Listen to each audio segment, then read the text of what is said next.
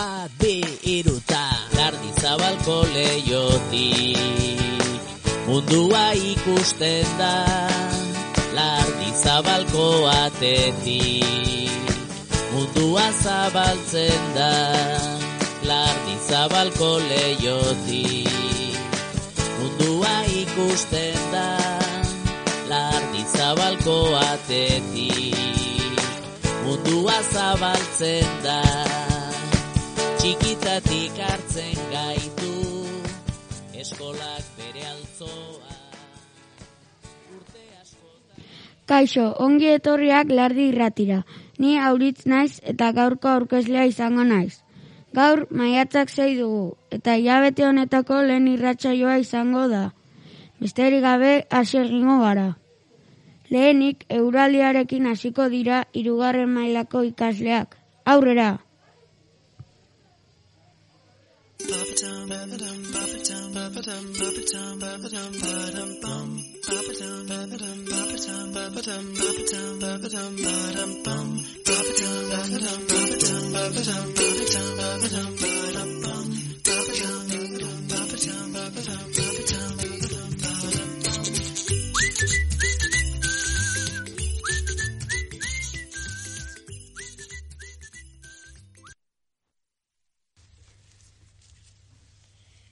Kaixo lagunok, gu adur beinat peru eta laine gara.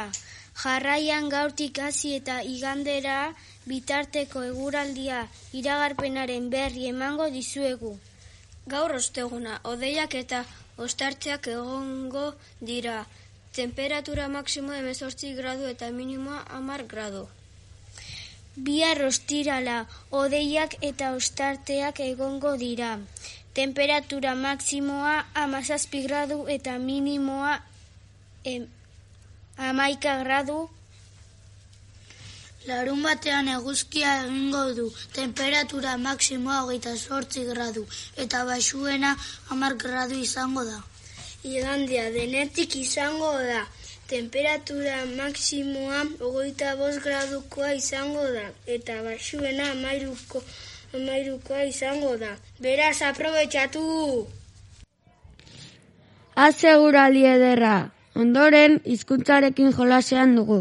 Gustora entzuten ditugu lehen eta bigarren mailakoek prestatzen dizkiguten hau korapilo, txiste, olerki eta bar. Aurrera!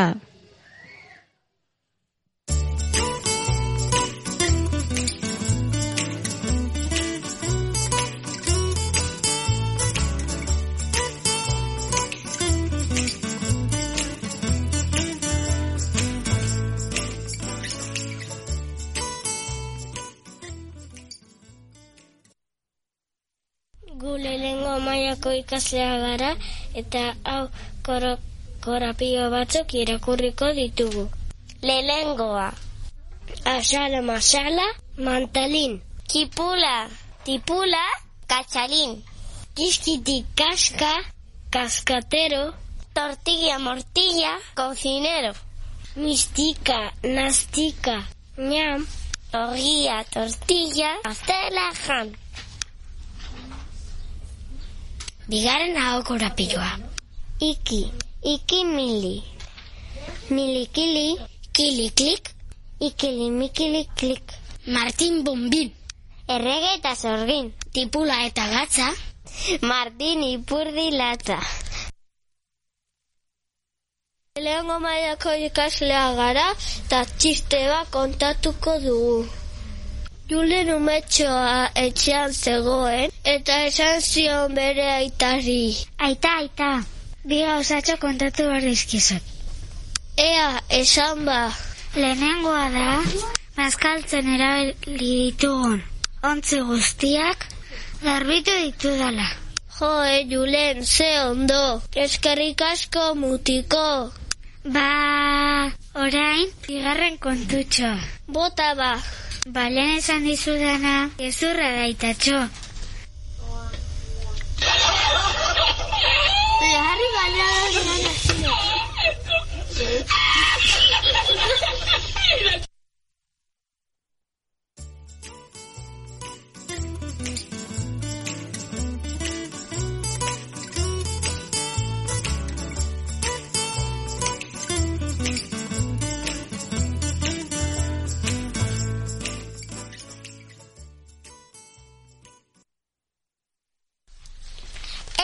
Gatoz bigarren mailakoak eta oraingoan poemak esango dizkizuegu. Igelak, goiz honetan belainoa dabil, erreka miatzen. Gau osoan aritu, baitira igelak, lainoa kontra mintzatzen. Musua, ni naiz arrauna, eta zu ura, ni egoa, eta zu airea, ni petaloa, eta zu lurra, ni espala, eta zu zua, elkarrenganako musua. Matxin saltoak, belarri zutuak dira, matxin saltoak. Tximeletak, belardian loreak altxa dira airera zurekin saltokoa ibiltzera. Ez dira ez loreak.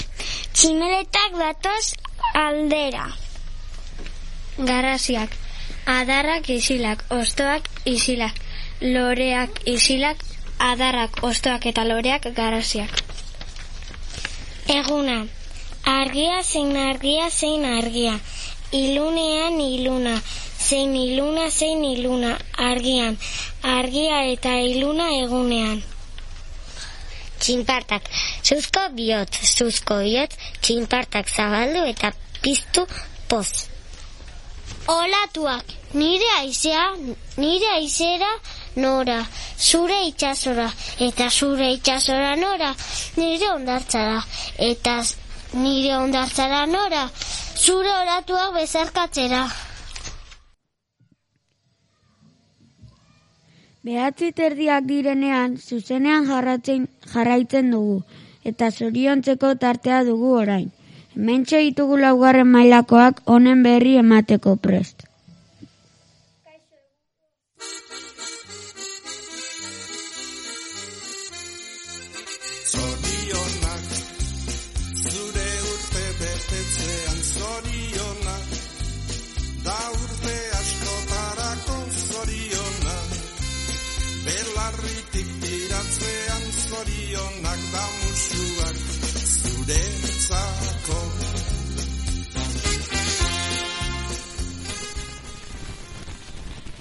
Kaixo egudo, ebe gaitu zue peinat eta teiep.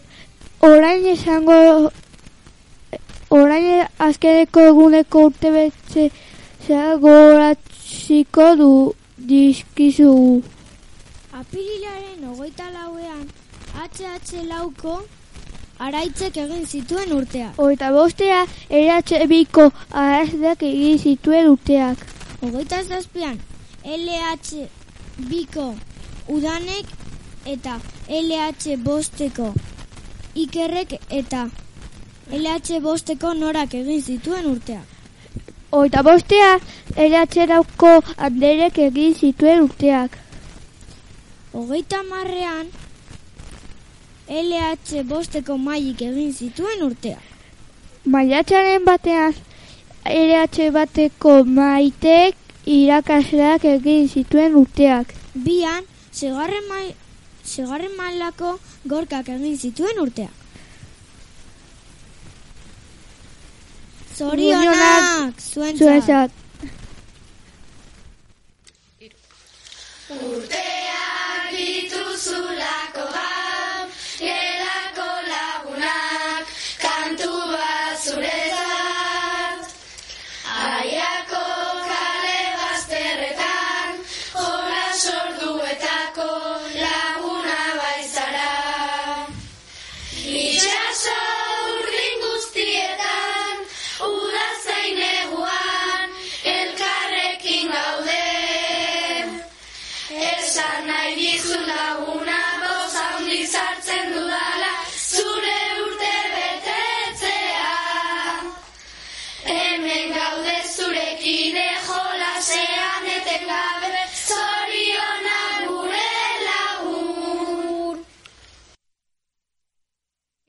Ondoren, ba aldakizu ezer datorren orain? Asmakizunak, pentsatzen dut prest izango dituzuela.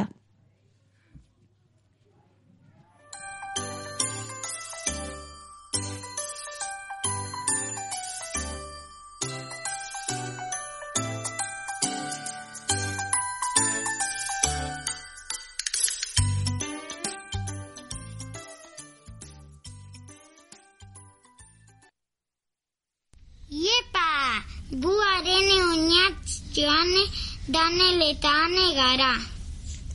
Ondoren pertsonai eskutua aurkeztuko dizuegu. Lehengo pista, marrazki bizidunetako protagonista bat da. Bigarren pista, robot bat da. Hirugarren pista, ETV irun ikusteko aukera dago. Laugarren pista, kolore hauek ditu. Urdina, txuria eta gorri pizka bat. Bosgarren pista bere lana pertsona bati laguntzea da. Adi, berriro esango dugu. Lehengo pista marrazki bizidunetako protagonista bat da. Bigarren pista robot bat da. Hirugarren pista ETV irun ikusteko aukera dago. Laugarren pista kolore hauek ditu. Urdina, txuria eta gorri pixka bat. Bosgarren pista bere lana pertsona bati laguntzea da. Nor da? Egun on, gu zigor eta san gara, ondoren objektu eskutua aurkeztuko dizuegu. Hora hemen gure pistak. Lehengo pista, lehen gizakiak erabiltzen zuten eisa egiteko. Bigarren pista, gesia botatzeko balio du. Hirugarren pista, egurrezkoak, plastikozkoak edo metaleskoak dira. Laugarren pista, gezia botatzeko sokatik atzeraka bota behar da. Bosgarren pista, gerretan irabiltzen ziren eraso egiteko. Adi berriro esango dugu. Lehengo pista, lehen gizakiak erabiltzen zuten eisa egiteko. Bigarren pista, botatze, gezia botatzeko balio du. Hirugarren pista, egurrezkoak, plastikozkoak edo metaleskoak dira. Laugarren pista, gezia botatzeko zukotik atzeraka bota behar da. Bosgarren pista, gerretan irabiltzen ziren eraso egiteko. Zer da? Kaixo, kaixo, hemen gaituzue urtsi eta oian, eta jarraian lekuzkutuari buruzko pistak emango dizkizuegu. Lehenengo pista, zimitaioa dago bertan. Bigarren pista, erloju bat ere badago. Hirugarren pista, bertako leku batean katekesis egiten da. Laugarren pista, mesa entzuten da. Adi berriro esango dugu. Lehenengo pista, zimitaioa dago bertan. Bigarren pista, erloju handi bat ere badago. Hirugarren pista, bertako leku batean katekesis egiten da. Laugarren pista, mesa entzuten da. Zer da? Urte betetze bat astu dugu, barkatu. HH lauko markelek eta nadetek ere maiatzean egin dituzte urteak. Ez gorde papera tarkatza, galdera zailak datoz eta.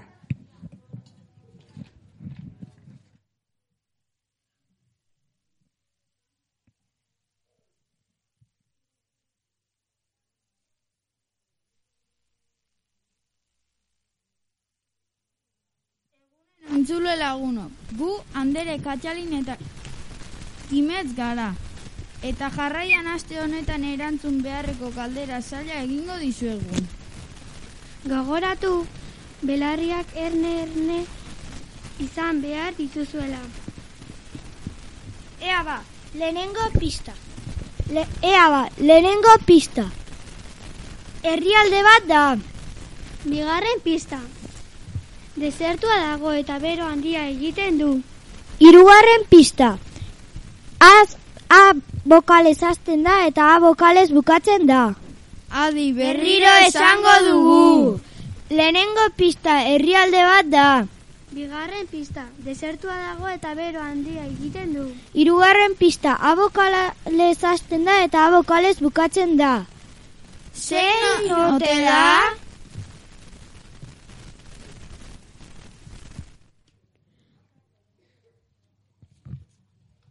Humorez datoz bosgarren mailakoak musika txokoarekin. Ea ze musika doinurekin datozten.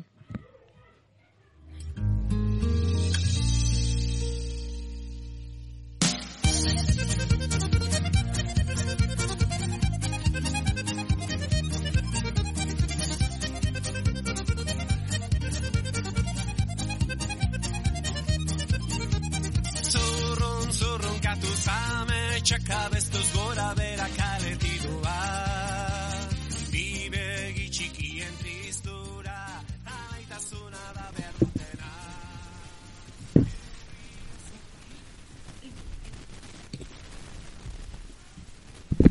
Kaixo lagunak, gu aiur eta ekaiz gara. Guk aukeratu dugun taldearen izena korrontzi da. Mungiakoak dira. Talde hau Talde hau bost kideek osatzen dute. Agus Uerandiaran, Alberto Rodríguez, Ike Mora, Ander Hurtado eta Cesar Ibarretxe. 2004ean hasi ziren jotzen taldean. Zazpi, zazpi diska argitaratu dituzte. Korrontzi, getxo, infernuko ospoa, tradiz, tradizion bi punto bat, sinfonia bilbon, korrontzi dantza eta korrontzi benefik. Emaiogu bostekoa abestia aukeratu dugu. Abesti honekin jasotako etekinak gaitz desberdinak jotako aurrak laguntzen dituzten erakundei emango dizkigu.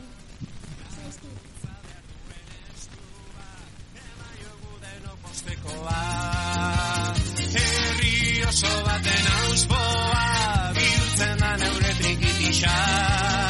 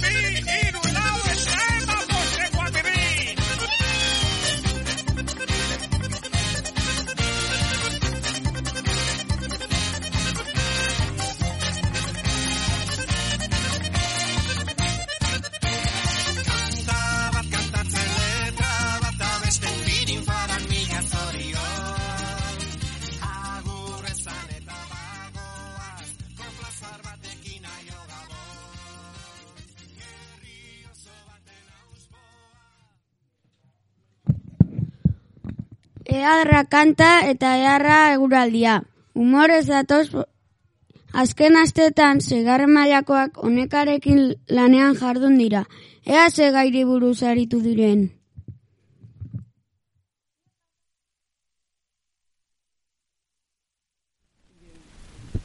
Iepa kaixo lagunak, gu Paola eta Irati gara eta lehioak zabaliken tarteari ekingo diogu. Begira zer kontatuko dizuegu. Bulina edo jasarpenari buruz hitz egingo dizuegu. Bulinek berarekin dakarka beste gizaki bat tratu txarrez tratatzen duen edo noren jakinbidea, indar fisikoa, aginpidea, botere soziala edo intelektuara erabiliz eta horren ondorioz indarkeria desorekatua. Horren bel, aurrak beldurtzean tratu txarrak eskola jasarpen jasarpena da suizidioaren er, arrazoi nagusia, eskola ume eta gazteetan. Suizidioak normalean oso jasarpen edo bullying gogorretan izaten dira. Hiru mut, bullying mota daude. Fisikoa. Kolpeak zerbait egitera behartu behartzea, jipoiak, pultzakadak, sexu kutsuko ukipenak, objektuak lapurtzea, puskatzea edo kentzea. Itzeskoak. Mehatxuka, mehatxuka ibiltzea, iseka, irainak, ezin, ezizenak jartzea, keinuak beha, keinuak, barregarri ustea, gaizki esaka, haritzea, txutxumuk, txutxumuk txuka haritzea. Baztertazkoak.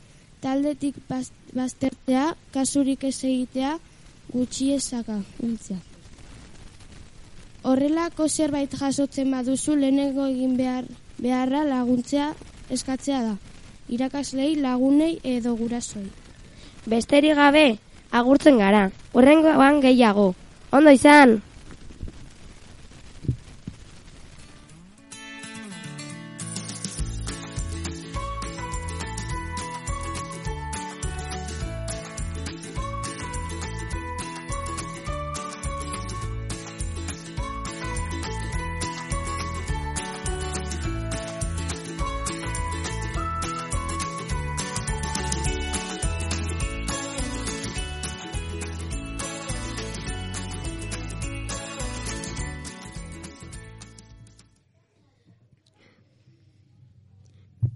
Amarrak laurden gutxi dira, eta irratsaioaren erdia baino gehiago bete dugunean bosgarren mailakoak gurekin ditugu.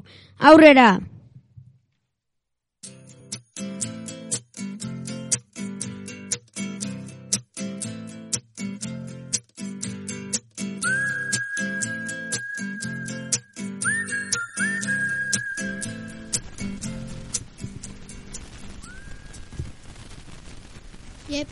Gu bitor eta koldo gara.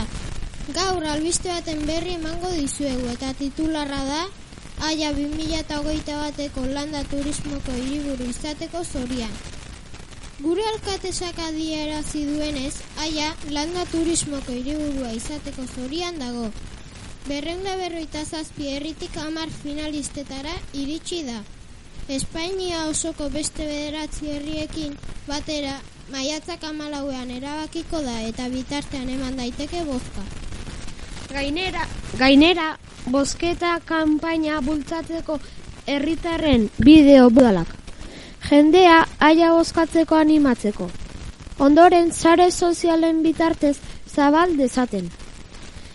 Beraz, aiaren alde bozkatu nahi badezu sartu aiako web horrian eta bozkatu. Venga, venga, animatu zaitezte.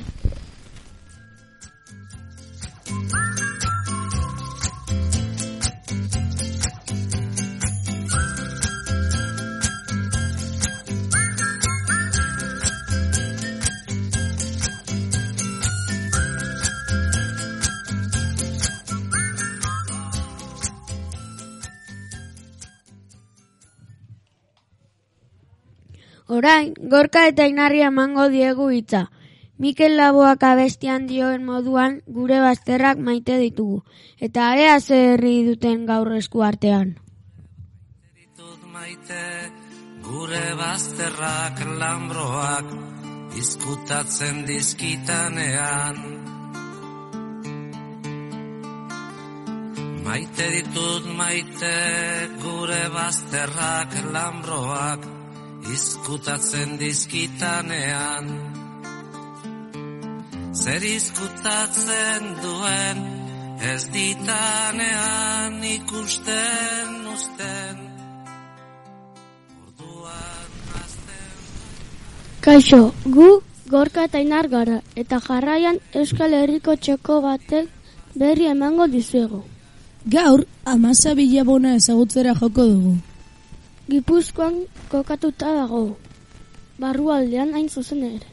Beraz, onda, ondartzarik ez du. Bos mila sortzireun biztalde inguru dituen herri bat da. Aiatik kotxe zabiatuta, hogeita lau kilometro, hogeita lau minututara dago. Hogeita ma, hogeita mal, barkatu, hogeita malau minututara dago. Hogeita maos kilometrotara, hain zuzen. Tolosaldeari dagokion herrietako bat da. Horia ibaiaren on, barnean dago.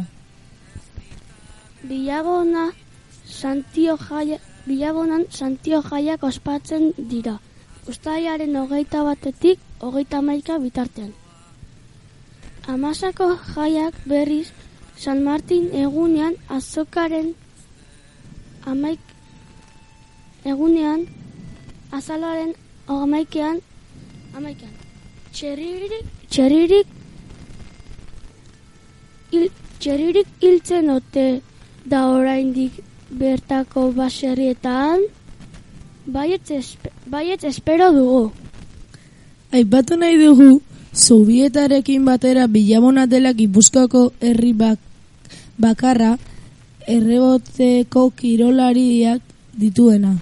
Eta bukatzeko animatzen zaituztegu bizitatz, bizitatzera her, herria nat, natura zinguratuta dagoela.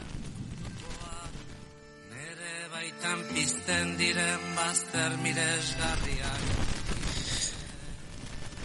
Gaurkoan bosgarren mailakoak kokatuko dute herri politan mapan.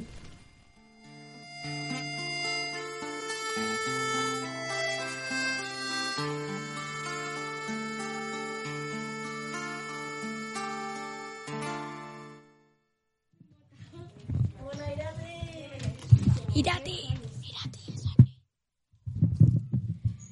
Irratsaioa amaitu aurretik lehiaketako emaitzak jakin behar ditugu. Beraz, adi zuetako norbaiten izena esango dugu eta.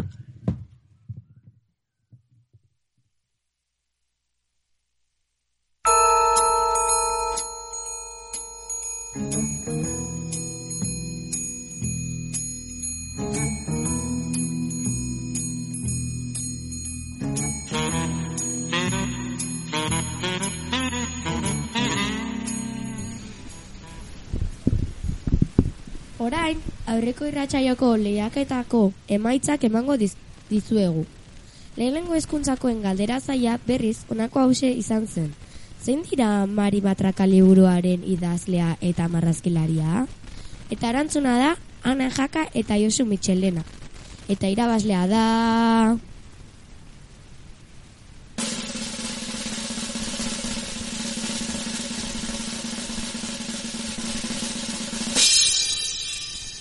Pedro, LH batekoa. Zorionak, eta orain asmakizunen erantzunak. Objektu eskutua zen liburua, pertsonai eskutua izaro Andres, eta leku eskutua tontorruma eo pasero berria, bila alio zuen. Eta asmakizunen irabazlea da...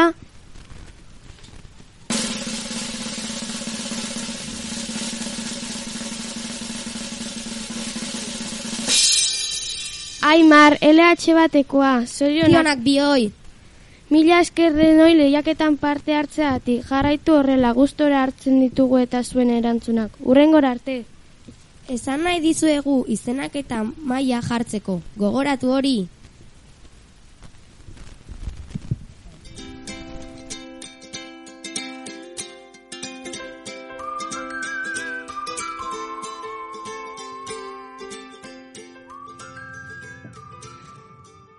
Mesterik gabe agurtzeko ordua iritsi zaigu. Gu gustora egon gara eta espero dugu zuek ere bai. Hamabost egun barru hemen izango gara. Bitartean ondo izan.